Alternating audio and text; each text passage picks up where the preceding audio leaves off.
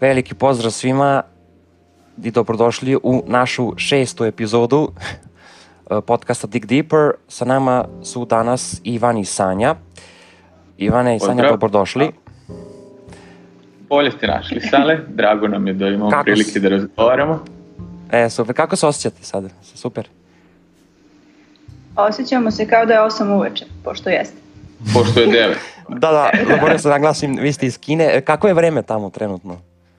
A, trenutno mi živimo u Rijanu, to je onako subtropska klima, nije baš ni tropska, ali nije baš ni ono kao centralna neka.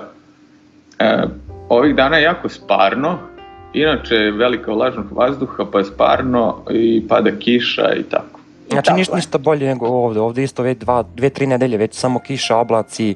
Baš razmišljam čamac da uzmem jedan, pošto ono, isplati se, znaš, katastrofa. No, no, i to će proći vremenom. Ovaj, vi imate svoj YouTube kanal Zagolaj, da, da naglasim, znači nije za logaj, nego za golaj, pošto e, baš kad kucate u YouTube-u, znači, evo, vi verujem da i publika bude kucala, baš će izbaciti da li ste mislili zalogaj, tako i meni izbacilo baš. Tako da, Da, da. genijalno osmišljeno, to mi je privuklo ono kad sam vas prvi put bio video. Ovaj, tako da super ste to osmislili, pa eto malo o tom kanalu, šta radite, ovaj, o čemu pričate tu i tako. Evo će Sanja da Pa što se tiče imena, hvala mojoj mami što se sjetila mene mutave male koja tek progovara i nije znala da kaže zalogaj nego za golaj. Mhm. I tako je i nastalo naše ime. A, Šta, a, šta radimo na, na YouTube-u? Pa najveći akcenat da, dajemo tome da se na neki normalan način, na, na, na prirodan način da se kao u, unapredi zdravlje. I sad ja imam tu neku filozofiju da postoje kao četiri stuba zdravlja, da je tu pod jedan mislim da je najvažniji san E, i, i pomalo smo pričali o spavanju, na to ćemo sigurno staviti veći akcenat u budućnosti. E, Dru, na drugom mestu definitivno ishrana, znači jako je bitno šta jedemo, kakvu, kak, kak- kakvu energiju unosimo i ka, kakve hranjive namirnice unosimo. E, tu, tu govorimo o postu kao jednom sastavnom delu ishrane, kao vremenska regulativa te ishrane, ali ne mislimo na religijski post. e, nego baš potpuno odsustvo hrane ili neka kao neki vid kalorijske restrikcije, e, onda kao neki treći vid e, zdravlja, kao treći stup zdravlja bi bio, bila fizička aktivnost, da tu može biti bilo šta otprilike šta, šta vam prija, nije sad nužno kao teretana je dobro ili ovo, mislim koja god fizička aktivnost da prija i ja mislim da četvrto je definitivno stres kao jedan veliki ono, akter u zdravlju. I u, uglavnom trudimo se da balansiramo, ali pošto još još je to relativno mlad kanal i najviše smo akcenta za, za sada postavili na ishranu i na post. Mhm, Pa kao, ja bi čak taj stres možda na drugo mesto stavio, ali kao što piše u vašem opisu kanala, neizbežan je u, već, u većini života, tako da e, jasno to, zato ste ga stavili kao na četvrto mesto, ipak je ono neizbežno, a dok recimo možete kontrolisati, svi mi možemo ono ishranu, trening, sa malo dobre volje i, i truda, san isto, opet zavisi s kojim poslom se bavite, kada radite to, ali može se to otprilike dovesti, ali eto, stres, ne, jel tako? To je Mo, možda je zato i stres na četvrtom mestu, bar po toj kao nekoj lestvici, zato što najmanje može da se utiče na njega. Da. I to je ono što najviše frustrira, kao m, ima sigurno velikog uticaja, možda i veće nego fizička aktivnost, jer je onako stres direktno povezan i sa spavanjem i, i sa svim tim stvarima i, i uopšte povezanje sa ishranom, zato što pod stresom možemo da jedemo neke stvari koje možda ne bi trebalo jesti, manje ćemo spavati, što opet vodi ka većem stresu i sve to, ali u suštini da najmanje možemo da utičemo na njega. Na pojavu stresa, ali možemo da naučimo da utičemo na to da nas i kad se pojavi da ga lakše preguramo. Super. E, kako, e, koji je na vaš zadatak? Znači, recimo, Ivane, tebi je zadatak da e, priča ono kao teorijsko znanje, jel tako, i ishrani o svemu, a Sanji za recepte, sam dobro razumeo bio, tako? Da, upravo, upravo to. Aha. Uh, ja, ja sam onako kao u jednom periodu u svom života sam bio štreber i kad, kad me nešto zanima volim da, e, da saznam mehaniku nečega. Nije ono kao da, da, Mhm. da saznam nešto, ovo je dobro za mene, ovo nije, ho, hoću da znam zašto je to. I pre nekoliko godina sam imao izvesnih zdravstvenih problema, baš zbog loše ishrane i onda kao, hajde da vidim šta, kako to da popravim ishranu i onda malo pomalo to je baš jako počelo da me interesuje, krenuo sam od toga da sam gledao YouTube videa, pa onda neko pomenje neko is- i- istraživanje, sad, sad čak odem i da iščitam onako kompletno istraživanje, pogledam metodologiju, da li je to dobro i- i istraživanje bilo ili možda imalo neke propuste ili Da, znači šta baš u, u dubinu ideš i u detalje, no, baš, baš, tako ja volim. Da. I kad, kad nešto naučim, onda to volim jednostavno da podelim sa drugima koji su možda nalaze u istoj situaciji u kojoj sam se ja nalazio ili jednostavno hoće na neki način da poprave izgled ili zdravlje ili bilo šta. Mhm. A koliko, koliko, recimo, koliko često izbacujete klip? Recimo, Sanja o receptima, koliko često izbacuješ? Na YouTube-u Da, da. snimamo, snimamo uglavnom, pošto Ivan radi subotom i nedeljom, a ne radi utorkom i sredom i uglavnom bar jednom mesečno utorkom ili sredom ili i utorkom i sredom snimimo do pet recepata. Pa se jednom nedeljno oni objavljuju, tako da imamo unapred bar za pet nedelja spremljenih recepata.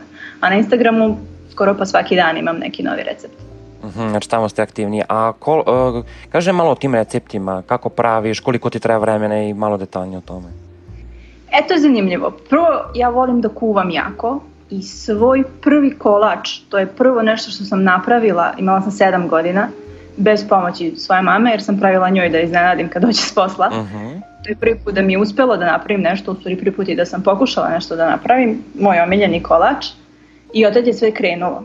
Pošto sam ja jedinica, nemam braći se stara i mama je uglavnom radila ceo dan, pa je kuhinja spala na mene, da tako kažem. I sve što mi je mama govorila da napravim, ja sam to pravila. Ona meni ispiše recept, ja po receptu i sve je bilo u redu.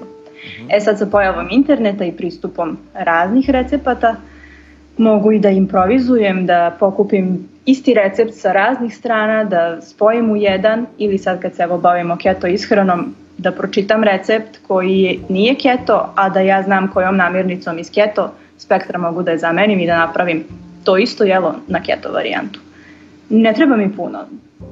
Često se dešava i vrlo često se dešava da sve uradim u glavi, da samo ispišem recept pre nego što ga, na, pre nego što ga pravim i onda možda u hodu samo gramažu neku promenim ako nešto mi ili zafali ili imam više pa možda mogu da dodam. Ali celo osmišljanje recepta sa sve pravljenjem recepta možda sat, sat i po vremena. Ništa posebno. Sa sve pečenjem i O, super. da. A ko će da, nam, da mi kaže malo više o autofag? Znaš, ono kao, kad smo u školi, nek digne dva prsta. Ko je zadužen za, da, za autofagiju? E, da, autofagiju sam otkrio, ni- nisam baš kao ovaj japanac otkrio, ali sam ja otkrio da ljudi pričaju o tome. Da, da. A, pošto neki misle da sam ja stvarno otkrio.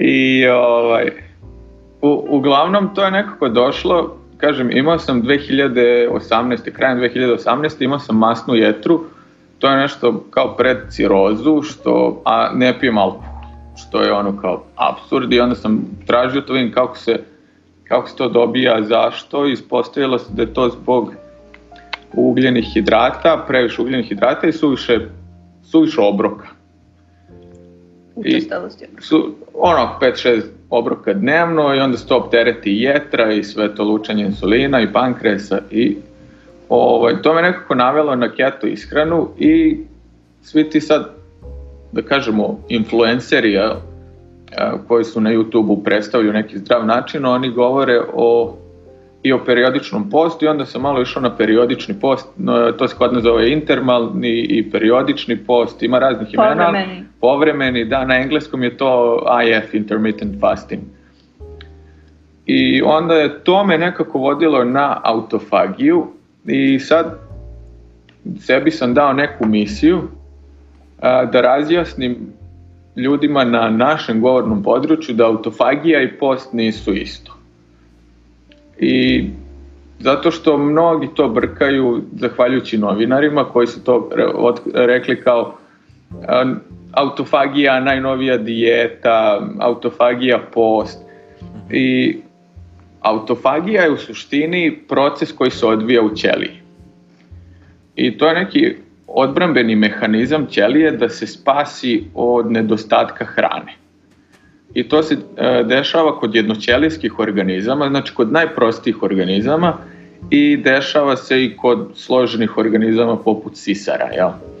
Znači, bukvalno u celoj flori, u celoj fauni je i pokriven, pokriven s autofagijom i dešava se znači, na ćelijskom nivou i treba da se ispune neki uslovi da bi se do, to, do toga došla. Jedan od uslova je odsustvo hrane ili odsustvo kiseonika. Što znači da autofagija može da se aktivira i fizičkim ono, naporom, pogotovo neki hit treninzi ili neki brzi kardio gde ti ostaneš be, bez daha brzo i ćelija ostane bez da, da. kiselnika, tog momenta može da dođe do autofagije. I sad postoje dva tipa autofagije, ne znam koliko treba da idem u detalje u ovom.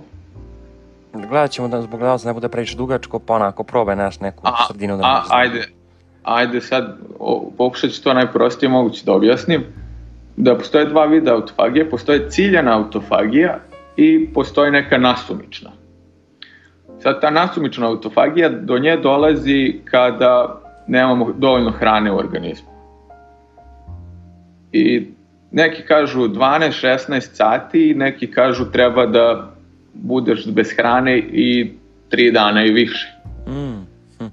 I, ali pošto je to jako teško da se izmeri, onda ne znamo tačno i svi neki ovako lideri u, u toj sferi, u toj oblasti nauke koji se bave tim istraživanjem, oni tvrde da treba negde izme, do 72 sata, recimo, da budeš bez hrane, da bi u značajnoj meri otpočeo taj proces autofagije. Autofagija se inače odvija u telu onako od rođenja. od rođenja i manje više svakodnevno i ovog momenta znaš, u, u svakom od nas ima određeni procenat ćelija koji imaju autofagiju, taj proces aktiviran i to, to je bukvalno stvori se jedno malo telo unutar ćelije i ono, kažem, ako je to onako nastumična zbog gladovanja, onda će uzeti bilo koji protein koji se tu nalazi u, u, u okolini tog malog tela koji se zove autofagozom. I bukvalno će ga obuhvatiti u jedan balon i sve što se tu nađe u, unutra veže se za lizozom koja je još jedna organela i sa, sve što se nalazi u tom autofagozomu to će se razgradi i pretvori u energiju ili u hranu. A ima, postoji, to je ta kao nasumično koje, do koje dolazi gladovanjem, postoje ciljena autofagija do koje dolazi ono, lupam, oštetila se neka organela ili je mutirao, mutirala, ne znam, mitohondrija, to često Znači, do, dođe do poremećaja mitohondrije i onda se oko nje stvori autofagozom i ona se samo razgradi. I A to da je ta kao cilj da li bi, e, kad ljudi kažu kao prosto rečeno da organizam sam sebe izjeda, da li bi ti rekao to ta, tačno, da je to tako? tako? To, to doslovno... To što razgradi u stvari stvari, pojede. To, dakle, to malo loše znači... zvuči, onako, kao logika nam govori kao kad nešto iz, izjeda nikako nije dobra stvar, ali u ovom slučaju jeste dobra stvar, je tako? Da, mislim, to, to doslovno zvuči da kao loše nešto jedeš uh -huh. sam sebe, uh -huh. ali kad prevedemo autofagiju sa grčkog e, doslovno, auto znači samostalno, jel, samog sebe, jel, a fagija znači jesti, fagos, ja mislim da je fagos, da, da je to koren reči i onda autofagos je jesti samog sebe. I dobra stvar je to što, kažem, o, te oštećene organele se recikliraju, pravi se posle odmah, ako, ako dođe do toga da je bila oštećena mitohondrija, sad se ta jednostavno se razgradila u tom procesu, odmah se pravi nova ili u autofagiji je u stanju da uklanja razne patogene, tipa viruse i bakterije, pošto oni mnogo manje od ćelije, onda kad uđu u ćeliju, ćelija ih detektuje i na taj način ih razgrađuje.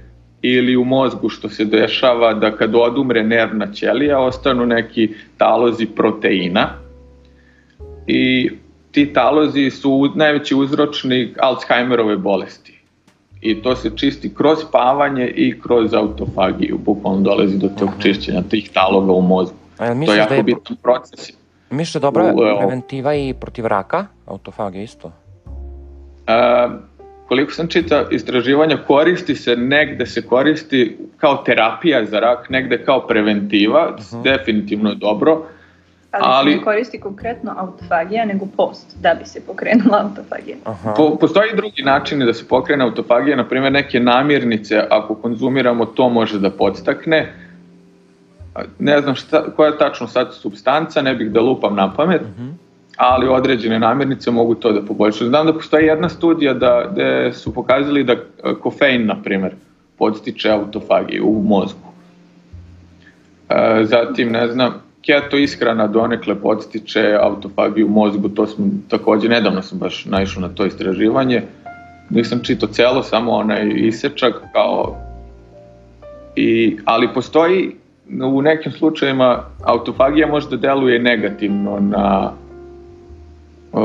na, na primjer na tumor zato što će bukvalno će potpomagati razvoju tumora Hmm. Obrnuće. zavisi koji tumor, zavisi koja ćelija, koji, koji na, na kom organu, ali nekad, u nekim slučajevima, znači, ono, potpuno ironično može da, da pomaže tumoru. Da. Tako da Znači, za- ko ima tumor ne, ne bi baš preporučili, jel tako, to njemu i. Ne bez lekarskog nadzora. Pa ni, nisam dovoljno sad stručan da odgovorim na to pitanje, Da, da, ali ono, otprilike, naj, da. najbolje konsultovati, konsultovati se sa lekarom Naravno, koji je da, upućen to i da se to prati, znaš, da, da li to pomaže ili odmaže. Mhm. A sad, pošto vjerojatno će biti hejta, dobro, to je neizbježno, ali čisto da ne bi neki pogrešno razumeli, neko ko je na masi, jel, e, da li bi njemu preporučio? Vjerojatno ne, jel? Ta, tu autofagiju, neko ko je na masi. A, da li pod autofagijom misliš da posti neko Posti- vreme? Na to sam mislio, da, sorry, znači, Aha. neko ko, je, ko radi na mišićnoj masi, na snazi, znači hoće da dobije kila, ne da izgubi, E, ja sam i verujem mnogi, mnogi danas baš vidim da na tome rade, tako da eto, da bi, da bi njima preporučio. A, ono što sam ja čitao i što znam, na primjer, hollywoodski glumci, a ovi svi što se spremaju za superheroje, oni su svi na nekom intervalnom postu 16-8, s tim što oni verovatno radi neku ono hormonsku terapiju i tako da možda nisu merodavni za, za tako nešto, ali postoji dosta ljudi u fitness svetu koji su na tome, jer na masi ti je najbitnije koliko ja znam da uneseš, da si u kalorijskom suficitu. Tako, tako je, da, da. A, a ti tu kod tog intervalnog posta jedeš u 8 sati, recimo u prozoru od 8 sati, onda narednih 16 sati ne jedeš. I ako ti u tih 8 sati uneseš dovoljno kalorija da budeš u suficitu, to je sasvim ok. I, i mislim da možeš da budeš na, na masi. I još jedna dobra stvar kod toga kad ne jedeš recimo 16 sati ili više što e, se povećava lučenje hormona rasta koji je direktno odgovoran za rast mišića i za uopšte za regeneraciju mišića posle treninga i najviše se luči u, no, tu u toku noći i tako da je direktno povezan i to je jedan od načina, na primjer ako si na, na dužem postu, ako ne jedeš recimo 3 dana, taj, onda se baš ekstremno luči hormon rasta baš da bi zadržao mišićnu masu, da se ne bi razgrađivao mišić, nego će lupam, ako telu zafali protein, ono mora sebi samo da napravi protein, jer je to ono kao osnovna gradivna jedinica. I onda će razgrađivati kosu, nokte, kožu, pošto je to kao naj, koža je najveći organ kog imamo. I mišić je ono poslednji, poslednji izvor proteina što se tiče tela ko- koliko sam ja tu sad čitao i nešto istraživao. Tako da, da, možeš. E, a neko ko Da, je u ek, suštini možeš da budeš na masi i da budeš na postu. a neko ko je To je to. ektomorf, ima brz metabolizam, kao recimo ja, onda da da bi njemu isto preporučio? A, A da je Pa na masi u- još pri tom, da, da napomenem. Evo, evo ja baš sad radim eksperiment na tome zato što ne znam Mhm. odgovor. Poslednjih 5 dana sam rešio da idem na masu i jede, jedem otprilike u tom prozoru od 6 do 8 sati, Mhm. Koliko kalorija? Oko 3000 nešto. a, a? preko, preko 3000 kalorija. E, tako je, ja se unosim. trudim. Mhm, dobro. Ali jedem isključivo meso i jaja. Mhm. A, koje Da. meso? Belo, crveno, oba? E, govedinu. Jedem Aha, što masnije meso, Dobro. što masniju govedinu, slaninu i jaja. Ne znam, juče sam ja gušćija jaja čisto da ih probam, nikad nisam Znači malo eksperimentišeš, da, da, da. Ja, ja. Malo eksperimentišem, zato što sam, to, to bi bila onda neka kao karnivore, čisto mesna ishrana. I video sam da na, na toj ishrani postoje mnogo iskustava da se smanjuju zapaljenja, e, da jako gubiš body fat, odnosno mast, možeš da izgubiš na tome mnogo, a da pritom dobiješ mišićnu masu i hoću da vidim kako to izgleda. Mislim, postoje, ne znam, uh, koga zanima više o toj ishrani, uh, na Instagramu dr. Sean Baker ili uh, Paul Saladino MD, posle ću ti posle čisto ako... Da, pa ćemo da staviti u opis klipa, važi, važi. Uh, njih se time bave, baš onako, imaju knjige o, o, o tome i to, to je bila neka ono kao iskonska ljudska ishrana gde smo milionima, mili, milion milion do dva miliona godina zavisi kad, kad računaš da je ono, nastao čovek gde smo se isključivo hranili namirnicama životinskog porekla, da je poljoprivreda nastala tek poslednjih 12.000 godina i nismo imali dovoljno vremena da se naviknemo na, na biljno. Da, uh, kaže, kažite nam nešto o, o, o keto ishrani i vegan ishrana i da li se može recimo kroz vegan ishranu uh, isto kad je neko, neko na masi da, i da uh, unese dovoljno vitamina, proteina uh, i minerala. Recimo, ako se dobro sećam, kad sam čitao da je B12 možda čak najređi jer ima u mesu, a u biljkama ne baš i možda ima negde, nisam baš toliko detaljno istraživo, ali je redko. I eto malo, koja je bolja, koja bi ti preporučio ljudima, generalno ne, neko ko je recimo, ko samo, kome je samo um, zdravlje bitno, prioritet, ili neko ko je recimo na masi, kome nije akcenat na zdravlje, ali opet hoće znaš, da, da bude koliko toliko zdrav, naravno. Tako da, eto, po tebi, koja je bolja ishrana? Ja. Pa ti se baviš fitnessom, viš? Evo, dobro, onda opet si na mene, ne? o, na, znaš kako ja, baš sam pre neki dan čitao i kod jednog doktora koga pratim na YouTube-u, neko mu je postavio pitanje kao šta je po tebi najbolja ishrana za čoveka? I onda on to najkraće moguće odgovorio, ja sam potpuno saglasan s tim. Najbolja ishrana za čoveka je sve ono što čovek nije napravio. E, bilo je to namirnice životinskog ili biljnog porekla, a ako nisu prošle e, onako tešku industrijsku obradu, mislim da je to ono što ne, nešto čime bi čovjek trebalo da se hrani. Sad, keto ishrana je specifična zato što ima neku medicinsku namenu i početkom 20. veka je ona krenula da se primenjuje e, zato što jako deca koje imaju epileptične napade jako dobro reaguju na keto ishranu.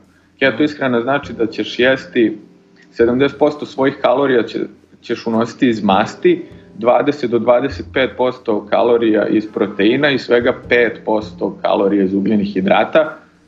I to baš onako i ti ugljeni hidrati uglavnom dolaze iz ne znam zelenog povrća. Voće je praktično izbačeno zato što je voće šećer i ugljeni hidrat i, i loše utiče na sve to. Mhm. A to je malo nejasno, pošto oko, šećer, oko pardon, voća kažu da je to dobar šećer, pošto ipak naš fruktoza je to, pa ne znam, A, vidi, da? A, to je zabluda sa fruktozom. Nisam ja, nije sad ja ovo izmišljam, slušao sam stvarno lekare i nutricioniste i fitness stručnjake. Fruktoza se metaboliše u jetri. I uopšte ta nastala je zabluda negde 50. godina prošlog veka da je fruktoza dobra, ali jedini način da, da uopšte metabolišemo fruktozu je da ona ode u jetru a, i onda se tu pretvara u, u da li u glukozu ili ne, ne može da se pretvara u glukozu, lupam sada zato što je to prost šećer, ali može da se pretvori u mast, a da bi se skladištila, uopšte da bi se skladištio šećer, u jetri jako je mali kapacitet. I onda kad je već tu pretvara se u mast i bukvalno fruktoza stvara masnu jetru. Čitava ova epidemija gojaznosti nastala je zbog onog čuvenog high corn fructose syrup kako se to zove na srpskom, ja sad stvarno ne znam. Da, to ti onaj sirup od kukuruza, jel? Eto, zato što njega stavlja u gazirane napitke, u ne znam šta sve. Uh mhm. -huh. Mislim, ku, kuhinski šećer je pola glukoza, pola fruktoza. Saharoza je od dva molekula Da, napravljene ali poleko- možda, možda je to malo ekstrem, baš skroz izbaciti i sve voće. Ja mi- mislim, e, ja bi bar malo stavio, znaš, ali ne bilo koje voće. Recimo, ne vidim problem u nekom malo, naš limu, naranđa, malo C vitamin, malo banana za kalijum, za B vitamin, ne znam, malo e, šumskog voća, malo ubaciš isto, ne znam, u neki smuti, jagode, maline, kupine, borovnice i to je to. Mislim, to je neko onako da je još okej, ali ne, ne mora sad svaki dan i baš neku veliku količinu, znaš, dozu da staviš, nego malo Da, da. samo. Ne vidim baš štetu na tome, bar ja E. ne osjećam recimo kad ja to koristim. Na E, e vidi, vidiš, tu si u pravu, sve je u doziranju. Mhm. E, n- ne mogu da kažem da je voće loše, u pravu si voće ima znaš, ono, mnoštvo vitamina i nekih ono, aminokiselina koje možemo da uzmemo iz voća minerala, ako je to voće raslo na dobrom tlu. I bobičasto voće ima nizak glikemijski indeks, znači tu su borovnice, jagode, maline, kupine, Da. ribizle eventualno. I to je sve ok na keto ishrani, jer cilj same keto ishrane je da ti bukvalno svoje telo uskratiš mu toliko šećera da ne, troš, ne koristi više šećer kao gorivo, ne, ne koristi glukozu, nego koristi ketone, a ketoni se prave razgrađivanjem triglicerida. To je bukvalno mast koja se koristi za energiju. I telo sasvim dobro funkcioniše i na glukozi i na ketonima. E, neki bi čak rekli da bolje funkcioniše na ketonima. Postoje delovi tela koji, o, neki delovi u mozgu i od, određene ovaj, krvne ćelije koje za- zahtevaju glukozu, ali telo može da napravi glukozu u nedostatku. Ali da, da se vratim na voće, u pravu si za voće, ali ja bih dodao da treba dozirati, recimo da ne više od 50 grama voća da dolazi e, ne više od 50 grama ugljenih hidrata da dolazi iz fruktoze. To je onako neki optimum. I dodao bih još da, da bi to trebalo da bude voće u sezoni. Mhm. Znači, Da. voće koje tog, tog momenta zri i da bude neko onako organsko, ne hibridno, da ti sad imaš neku ogromnu jagodu ili ovolku krušku, Da. jer to je puno še, stva- stvarno puno šećera u tako jednoj voćki i koja može da ti napravi više štete nego koristi. Isto važi i za ceđene sokove, kad smo prirodno ceđene sokove. To je u čašu iz svih voćkica koje iscedite izađe voda, boja i šećer. Sve drugo bacite. Tako da bolje ne. Da, ceđeni sokovi su jako velik problem jer, jer ti u jednoj čaši soka recimo imaš 10 pomoranđi, znači šećer iz 10 pomoranđi i vodu i, i te Boje. boje, a dok pojedeš pomoranđu ti pojedeš i vlakna iz pomoranđe, a vlakna se ne mogu variti, usporavaju oslobađanje šećera u organizam i onda ti ne naprave veliki karambol po pitanju, ne znam, šećera u krvi ili po pitanju lučenja insulina. I pitanje je da li bi mogao da pojedeš 10 pomoranđe odjednom. Da. I verovatno jedina prednost je neki što da bi samo C vitamin dobio iz nje, jel tako? A, e, I šta misliš da ima više C vitamina, da u tom soku ili baš u, u, u tim vlaknima? I, A Ne, ne bih znao stvarno ono. To, to, to, da, to je malo teže pitanje, to sam Da, uvijek nisam, pitao. nisam, nisam se bavio time i ne bih znao da ima tačno najviše cena. Znaš, kao i u limunu, recimo, verovatno u soku, jer, a imaš ono, znaš, ono gusto, ono, kako bi nazvao onu teksturu, Pulpa. e, eto, i, i to, da li ima možda u tome, sad, u- nisam ulazio nikada isto toliko detaljno baš u to. Ne, ne, ne, ne, ne, stvarno ne. Aha, okej, Ali mogu, mogu samo da se ubacim, pošto Slobodno. spomenuo zbog Mhm. kalijuma bananu. da? Kalijuma mnogo više ima u kelju i mnogo je zdraviji od banane A, pojesti pošto je povrće, pa da, logično. E, pošto i- ima ljudi koji... Prosto ima više, u kelju ima više kalijuma nego u banani, u banani ima šećera, u kelju nema. ima, ima dosta, ovaj, Ke- recimo jedna... Kelly je jedna od najbogatijih namirnica što se tiče vitamina i minerala. Super namirnica. Samo što imam Slažem baš se. onako Slažem se, jeo koji ne, mogu svako, to. ne može svako da podnese taj ukus. Da, ukus nije baš neki, ali jeo sam i znam koliko je zdravo i baš zato sam ih forsirao, ali pored njega mi možda naveo čak isto brokoli, spanać, ali tako, to isto super. Svo Da. lisnato zeleno povrće. Da, da, da. E, pošto ima ljudi koji, eto, nisu baš za voće, kao evo sad u ovom razgovoru, ali za povrće nikad nisam čuo da je neko nešto negativno rekao ili kao, e, znaš, ni, ni šećer, ni nešto da je štetno, znači to bar nikako ne može biti greška. Po, povrće možemo slobodno jesti, pogotovo zeleno to, da, lisnato. Na, naravno, mislim, sve što je u sezoni, sve što ono raste i ti... Neki ljudi možda mogu da imaju problema s određenim povrćem, da im stvara inflamaciju, zapaljenje. na primjer, svi znamo za zapaljenje zbog glutena. To je protein koji se nalazi u, u pšenici i u nekim Da. drugim žitaricama. I on može stvarno da stvari, stvori zapaljenje tamo gde, gde mu nije, jer zapaljenje je ono, tako telo reaguje na povredu. I ako ti reaguješ tako na nešto što si poje, onda znači da ne treba to da jedeš. To se isto dešava i sa laktozom, sa onim šećerom iz mleka. I sad jednostavno treba naći to koje ti voće i povrće odgovara, koje ti ne odgovara. Da, i treba dobro obrati, jel tako, i voće i povrće su isto bitno, jel? Pa trebalo bi, da. Zato što... Ako pogotovo se- uzgajaš sam, znaš šta je prošlo po... Da, ali ako se baš, kažem, kupuje na pijaci, to sam te da kažem akcent na to, onda e, šta mi ono zbog pesticida i to. Da, da. Treba, trebalo bi definitivno oprati, jer nikad ne znaš čime je tretirano i da li je uopšte tretirano. Vidio sam recimo ima neka fora, baš sam na netu video da e, ubaciš ovo jabukovo sirće i, i, i sa tim da opereš, znaš, i onda onako bude voda sva crna, a, a da nije isto kao prati samo vodom, vodom i s tim, znaš, ono, u kadu staviš i tako opereš, tako sam vidio mnogi da savjetuju.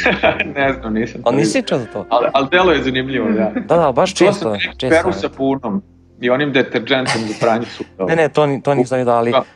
ovaj, ja sam vidio da se stave u činiju pa pospu sodom bikarbonom. E, i to sam čuo, tako je, da, da. Ili recimo čak kombinacija bikarbone i uh, ovog jabukovog sirćeta. A, ali ja sam najviše, naj, najčešće lenj i onda samo pojedem tako, ne perem ništa. Ja uvek operem ono vodom, ali ne volim sirćetom jer sirće svakako ne volim. Jeste zdravo, kažu, ali ne volim ono i miris i ukus. Tako da još da tim, e, znaš, sapereš, ono sve se os osjeća voće na to. Rekao, ne hvala. Da, da. Ovaj, Počnem da ga razgrađujem malo. Da. Uh, valjda smo sve pokrili, eto, autofagi, keto. Um, da, masti, kad si rekao, koliko procenat, 70% si rekao, tako? 70% E, da, E, prosto. sad to da naglasimo dobre masti, jer ljudi kad čuju masti, znaš, pogotovo kad čuju 70%, Da, da. kao kako to može biti zdravo, znaš. pa eto malo da pojasnimo to, slobodno. Ali prva asocijacija ljudi kad kažu masti jeste svinska mast, a ona jeste zdrava. Dobro, Da. i koja još? A, pa mislim tu tu su sve na, masti životinskog porekla i pre, pre što nastavim dalje, verovatno sad svi ljudi misle, a šta je sa holesterolom? Da. A, Padne na pamet. Poslaću, a, poslaću ti studiju gde je dokazano u više njih e, da holesterol zapravo nije loš, nije ono kao bad guy. To što se on nalazi u plaku, odnosno u tom čepu gde je u krvnom sudu, pre nego što dođe do srčanog udara, e, on nije uzročnik tog čepa, nego neke druge stvari poput insulina i kalcifikacije i uopšte prisustvo šećera i svega toga. Problem je kad se pretera, jel tako? Recimo i u svinskoj masti, naravno. to ljudi Da. preterivaju, jedu baš, baš velike količine i, i mesa i svega. Još ako ne jedu, recimo, pored toga povrće, Ima nekom ko prija, znaš, voli, ja kažem nikad nisam bio neki ljubitelj, znaš, ono mesa, ali kad jem meso uvek volim da pored toga stavim povrće. Jednostavno to sam ja, znači, obožavam Da, da, da. povrće, e, ne sad samo što forsiram, ne znam, zbog vitamina, minerala, proteina, nego jednostavno volim i prija mi onako i bolje se i svari i pre sam imao recimo um, problem sa kiselinom u stomaku i onda ka, kad sam jeo samo meso, ne znam kako to nisam ranije, ono, skonto dobro, bio sam tada još klinjac, ali um, jako mi je loše prijalo stomak, uvek mi nešto krčio stomak, boleo stomak, ono, neke čudne zvukove čujem, ono, trese mi se, pa ne znam, uvek žalim, ono, kao kako me boli, ba, baš svaki dan stvarno. I onda kako sam, kako sam ubacio povrće i da naglasim, ključno izbacio one glupe e, sokove iz prodavnica. Znači, to je toliko Ja puno da šećera. To ti je najviše pomoglo, E, da. to, to ja mislim i meni baš to da je bilo ključno, i, jer meso i dalje jedem samo, ovaj, ne baš svaki dan i ne neke, neke velike količine, znaš, ali, jer kad sam na masi ipak moram, a kažem uvek ubacim povrće, ali te sokovi to je toliko toksično, znači koliko, jeste to ukusno i baš u tome problem što je zarazno i onda samo gutam, gutam, gutam i onda sam bio u stanju, bog te, pogotovo za leto, znaš, popijem ceo onaj tetra pak od litar, litar i po, uh, ne samo jednom danu, nego u tom jednom satu ili u dva, tri sata, to je strašno. To je onako puno činija šećera. Da, da, ja Da, koliko sam tu imao problema, znači strašno. I onda sad kako ne pijem te su, sad samo vodu pijem i sad nešto razmišljam, to je to. Naravno na leti malo sladoleda, to je normalno, svi se mi počastimo, ali sokove kad sam izbacio i naravno one čokolade, znaš, one milke i neke, jer ja um, Da, da. čitam na ta tablici, znaš, neke imaju Više će neke manje. Recimo, gledam pekmez, bog te, na 100 grama, pazi, na 100 grama piše ima 50, negde sam čak vidio, mislim, 70-80 grama šećera na 100, pa gledam, vrati, je to normalno? A, a tegla neka od 300-350 grama. I onda Više zamisli cijelu, teglu, cijelu teglu pojedeš, kako bi to bilo, a ja. I to je samo pekmez, onda recimo te čokolade ima negde da ima manje, negde ve- veće, ja, ja po zubima osjećam. Znači, recimo Milka, ne znam, ono, oni da imaju, da imaju karamele, onaj Snickers, Mars, to mi jako loše za zube, znaš, počne boleti, onda A, a inače mi zubi nisu ovako osjetljivi ni, ni na jednu hranu, ali na te karamele i neke, onako puno šećera, kad je preterano u nečem, ja to odmah osjetim i po stomaku. I onda recimo te milke, te ti, ti popularni jel, brendovi, to, to je katastrofa. Uzmem recimo crnu čokoladu, e, ona, e, ona mi prija i stomaku i e, zubima, uopšte ne žali se. Znaš, zato kažem uvek, e, kao i drugi svi stručnjaci što kažu, kao slušajte svoje telo uvek. Tako da ja slušam i, i evo, da li ti je nekad konzumiraš crnu čokoladu? Crna čokolada inače s 80% kakao pa na gore je u stvari veoma dobar izvor masti na keto ishrani. Eto, Da, super. Re, recimo kad sam na keto ishrani, onda stvarno o, pojedem recimo svaki drugi, treći dan jedan red one crne čokolade, 85 ili ne znam, uglavnom 85% kakao. To nema mnogo šećera, čisto malo da se doda kao ukus i to je stvarno dobra, do, dobra namirnica. Nego da se vratim samo kratko na masti, nisam završio kao Važi, važi. koji je spisak dobrih masti, Mhm. možda nekog zanima. Dakle, tu je stvarno svinjska mast, jako dobra mast, tu je uvek puter, Uh, tu je kokosovo ulje koje ono, možete, ne možete da nađete u Srbiji, nije baš sad neophodno, ali na primjer hladno ceđeno maslinovo ulje je vrhunsko ulje uh, za lupam, za, za dresinge, za salate ili za tako nešto. Ne bi trebalo baš da se prži na njemu, uh, zato što promeni malo strukturu na većim temperaturama. Uh, drugi, drugi izvori masti tu su orašasti plodovi, znači bademi, orasi, kikiriki puter, ne u velikim količinama i ako možete da nađete bez šećera ili sami napravite da. kikiriki Lešnik, puter. indijski orah je recimo meni jako ukusan indijski onaj. I, i lešnik, indijski orah ima malo više ugljenih hidrata Pa i on, nije keto, ali naravno Da. zdravije. ali i on, i on i orah nisu ne orah, nego i ni on i kikiriki zap- zapravo nisu orasi. Kikiriki je mahunarka koja raste Mhm. pod zemljom, a indijski orah, ne znam, jesi nekad video plod, to nešto izgleda Nisam. kao jabuka i onda je to kao seme nešto toga. Aha, nisam. Ja. Znam da ima onaj brazilski, ja sam to probao, meni je to katastrofa ukus, taj brazilski orah, ali Da, indijski je orah je jako božanstven. On je pre, previše masti ima. A, avoka- Za jednu malu tu. Da, avokado odličan izvor masti, znači Naravno, onda to mi je ma- prva a, Sirevi asocijacija. jaja, sirevi, znači bilo koji tvrdi sir, Mhm. puno masti. Punomasni, ne onaj kao low fat.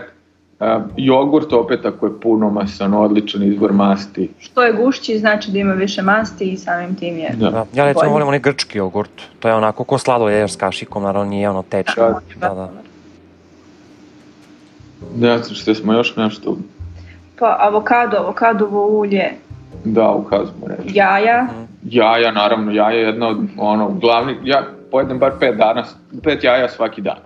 Što mi je E, glavna ta- nam. Tako ja negde tu 4-5, recimo u omlet, kad, kad pravim tu stavim odmah 5 i onda to je dnevna doza, tako najlakše čak, recimo sa spanaćem pomešam i eventualno neku crnu papriku, um, jaja i to je, to je super isto, recimo doručak. To, um, to sam baš, baš od sale isto praktikuje to, znaš, taj omlet. I O, Po, pogledaj na našem kanalu imamo Sanja napravila recept za jajočinke. Šta se... palačinke, te brašno, samo jaja. A, aha, ok, ima smisla. Jel, šta ovako koristite od, od suplemenata, onako kreatin, neki whey protein, ne? Jel, A, koristili smo whey protein i ja sam po, popio svu onu jednu kanticu od koliko je to bilo 2,5 kile i onda sam kupio drugu i više smo stavljali ne znam u cheesecake kako pravimo ili u smoothie ili tako nešto prešao sam redovno da ga pijem zato što stvarno jedem puno mesa Mhm. i to jedem puno crvenog mesa I onda nema potrebe Ok. kreatina, onda da. Da, pio sam i kreatin, ali sad sam evo prestao zato što jedem govedinu svaki dan, a u govedi ima kreatina. Da, to kažem nema. da nema smisla. Ali to je, kažu negde od 5 do 10 grama je ono doza za, za ko na masi ko trenira i sasvim dovoljno. Imaš Da. da. neko ko uzima, kaže 20, kaže nema potrebe. A šta Ne, misliš, je loše po bubrege to? Uh, ili treba samo bolje, više vode piti, jel tako? Ja mislim da nije loše. On, nisam našao, pa, mislim da je kreatin ono suplement što se tiče fitnessa koji je prošao najviše testiranja, Da, tako, sigurno. To je 100% jer to sam baš čitao i ja. da Pogotovo kažu monohidrat. Da, monohidrat, da, da, da. I, I to onda ne, nemaš nikakvih problema. Zato što je prirodna substanca koja se nalazi, isto kao i whey protein koji ono izvučeš ga iz surutke i Da, ali ne znam što ako si je kažu. dobar, dobar je whey protein. Kažu da Nema treba šta. se dosta vode onako baš piti. To nagla, vidim da svuda naglašavaju svuda se to ističe puno vode, puno vode, puno vode. Znači i na raznim engleskim isto, odnosno američkim sajtovima isto vidim pošto na engleskom piše i onda isto pišu da se pije sa dosta vode i onda gledam da li to ima veze, znaš, ono kao, pošto negde, Dobro. negde ima negde kao briga za bubrege, ali ako kažem, pogotovo ako se pije dosta vode, ja, ja isto, moje mišljenje isto kao i tvoje, da, da ne, nema neke brige, a pogotovo kad uzmemo ozbilj da od svih suplemenata, da su to uvek ističu kao da je nešto najsigurnije testirano, to je baš ono na prvom mestu i odmah naravno iza njega whey protein, e, surutka. Ja bi dodao i aminokiseline Mhm. Kao, mislim, aminokiselina kao gradivni, gradivna ono, materija proteina koja inače kad se metaboliše u našem organizmu u protein, on se razgradi na aminokiseline i ti ako već popiješ aminokiseline, samo si učinio svom ono, sistemu za varenje uslugu, tako da to je ok suplement A meni. recimo dekstrozu, da li bi, da li si uzimao nekad, da bi to preporučio? A, nisam, ali znam ne, jednog fitness trenera, o, ja imam njegov ono, aplikaciju, od njega uzimam trening programe, Mhm. on pije dekstrozu posle treninga. Da, pa vidim tako i Sale radi, ja isto. Kad odradim 20 Za- grama. Zato što, zato što je ono i jako brzo se pretvara u, u, u taj šećer kog mi možemo da koristimo, jako brzo otvara ćeliju, podiže insulin Da. i onda kao to je negde u teoriji da kad, kad gradiš masu treba to da uradiš da bi protein lakše ušao i onda kad ga iskombinuješ s tim. Naprimjer, taj, taj trener Jim Stopani se zove, uh, ne znam da li znaš za njega, Kako, Jim? Jim? Jim, Jim Stopani, Odakle on? uh, SAD. Aha, dobro. Nisam čuo za njega. Ne, ono, bio, bio je bodybuilder, sad je on deda, ima 50 nešto godina i dalje trenira vežba. Ne, a- 50 još su još ok godine, nemoj tako. De. a, dobro i? o, ali on, na primjer, jede one Haribo bombone posle treninga zato što su one ne, nemaju ove nemaju glukozu ni ili ne znam saharin ili ne znam koji zaslađivač, običan šećer, nego su baš od dek, sa dekstrozom. Mislim, ono, imaju i boje i nije to neka, neki dobar, ali ja da. lično ne, ne dekstrozu zato što sam ono, ili na low carb ili na keto ishrani i onda izbegavam sve, sve oblike šećera. Mhm. Pa dekstroza, kad neko čuje, uh, pogotovo neko mlađi ili neko ko se ne razume to, pomisle odmah kao, u, kao čudno zvuči, šta je ovo sad, da li to šeće, da li je to loše, ali verovatno najbolje čak reći, mislim, to sam negde čitao, sećam se još ranije, da, znaš, da se koristi u bolnicama za infuziju, li tako? A, da, posebno kad se napiješ i onda kad... E, pa tako da to svakako, ako se već tamo koristi, evo, to je okej stvar. Znači, tako je najbolje da nekog ono ubediš kad kaže ono kao, smiri se sve, morfijum se isto koristi, ali nije baš ok stvar. Tako da, A dobro, nije se neka sjajna, ali ono, nije ni baš neka loša. Tako da, uh, da nadoknadiš malo posle treninga, to ja radim tako. Da. Malo stavim u smuti, znaš, taj whey protein, kreatin i dekstrozu. Ta, ta, ta, ta tri kombo, savršeno. I onda ubaci neko voće. Ima, ima smisla tako. Ja sam, na primjer, uzimao whey protein koji u sebi ima uh, leucin, to su ti oni BCA. Da, da, znam, znam. I? Kao I pomešaš sa... Leucin, leucin podiže nivo insulina, ima isti efekt, efekat kao ovaj, dekstroza. A aminokiselina je nije šećer. A, ili Tako je. staviš neko voće, recimo, isto u tu smuti, vjerojatno ne, po, jel? Uh, pravili smo smuti od avokada, borovnica, Uh -huh, uh -huh. Jagoda. jagoda. Banana, ja isto recimo stavim uvek, uvek, svaki, posle svakog treninga banane sa tim suplementima i, i, te, i to šumsko smo voće. Naće. spanaća, da. E, vidiš, ja to još, da, da, to, to nisam uvek nameravio, onda zaboravim, da, to ću morat isto, pošto su I isto... od avokada. A kakav je ukus, baš, pošto vidim da nakon izgleda za većinu ljudi neprivlačno kad vidim onu zelenu boju sa spana, kad spanać staviš. E, S čime je najbolje kombinovati spanać? Ja, jedan taman, ovo je više za Sanju, vjerojatno pitanje, ako recept, Evo, kako bi preporučila? U smuti Da. Da, sa spanaćem, znači koja je najbolja kombinacija sa spanaćem? A, moj omiljena kombinacija s panaćem jeste vanila, whey protein, kikiriki puter, spanać, kokosovo ulje i kokosova voda. A whipping cream? I whipping cream, da, odnosno slatka pavlaka bez dodatog šećera, puno masna slatka pavlaka. Aha, aha. A, to, to zbućkamo. Aha. Znači, ne bi možda dobro išlo, pošto ja imam, uh, imao sam pre ja od uh, vanile i šumskog voća ukus i neki milk and cookie, sad imam od uh, čokoladi lešnik i onda ne bi to vjerojatno dobro išlo sa spanaćem, jel tako? Lešnik, A? da. Lešnik bi zato što stavim i kikiriki puter, pa je, Aha, pa slično. A čokolada, pošto ima Da. čokolade, kaže, tako. to ne znam kako. Pravili smo s kakaom, dodavali kakao, ne? To Nismo to. u spanać. Ne znam. Nismo u spanać kakao. Ali meni je vanila, kako kažem, neutralan ukus. Dodaje samo slast. Zato koristimo najviše nju. Pa da, ja sećam recimo sladole da isto najviše volim vanilu, sam uvek obožavao, to mi je onako bio jedan od omiljenih ukusa. Ovaj, kaži nam nešto malo o životu u Kini, eto može, možete, evo prvo može Ivan, pa Sanja ili kako god želite obratno, ali tamo da upitam usput, pošto ne znam da čitam ta slova, ovaj, šta ti to na majici znači?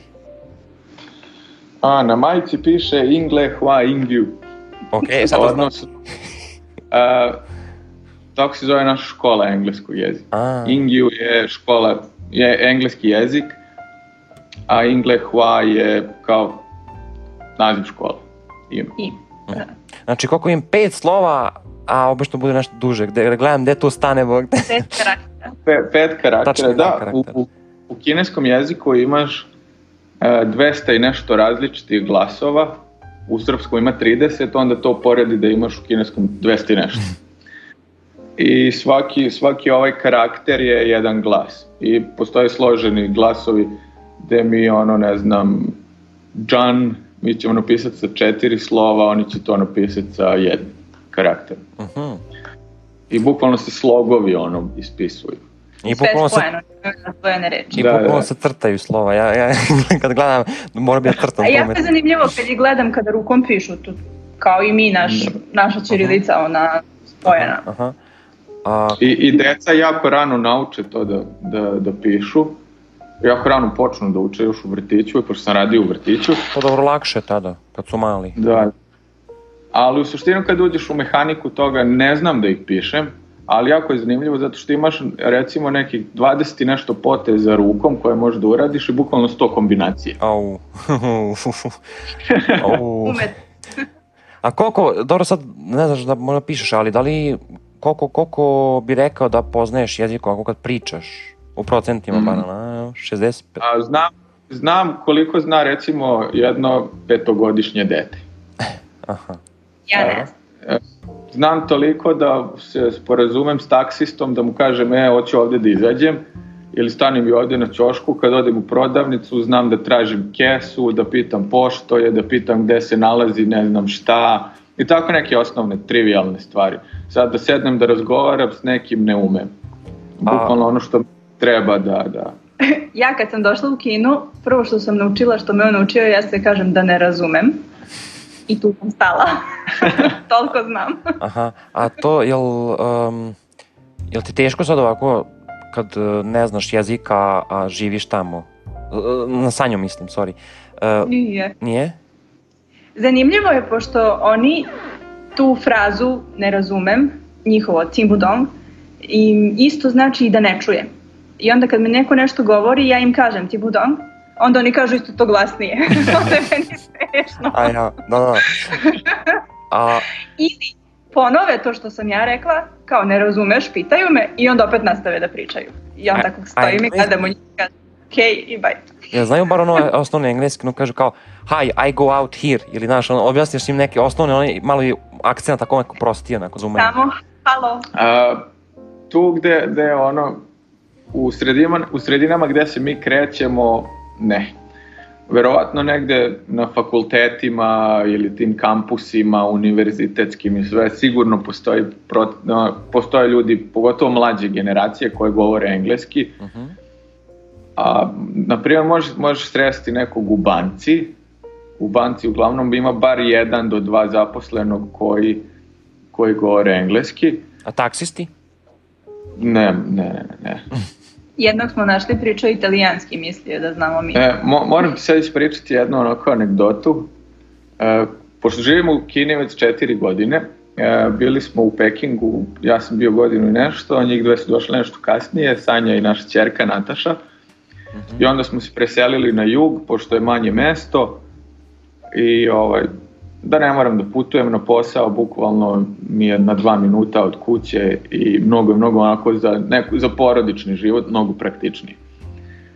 I uglavnom ovde u ovom gradu živimo već dve godine i znaš, ono, izađeš na ulicu, pričamo na srpskom glasno, jasno, otvoreno, ogovaramo sve okolo i stojimo sad ispred jednog restorana, hoćemo da uđemo, nećemo, hteli smo da idemo da jedemo suši, hoćemo, nećemo i ovaj, tu se sad pojavi jedna žena, prolazi pored nas i stane i gleda u, u, u mene i u Natašu i u Sanju i ona kako se zove ja gledam a Sanja, Sanja na Ja se okrenula, what?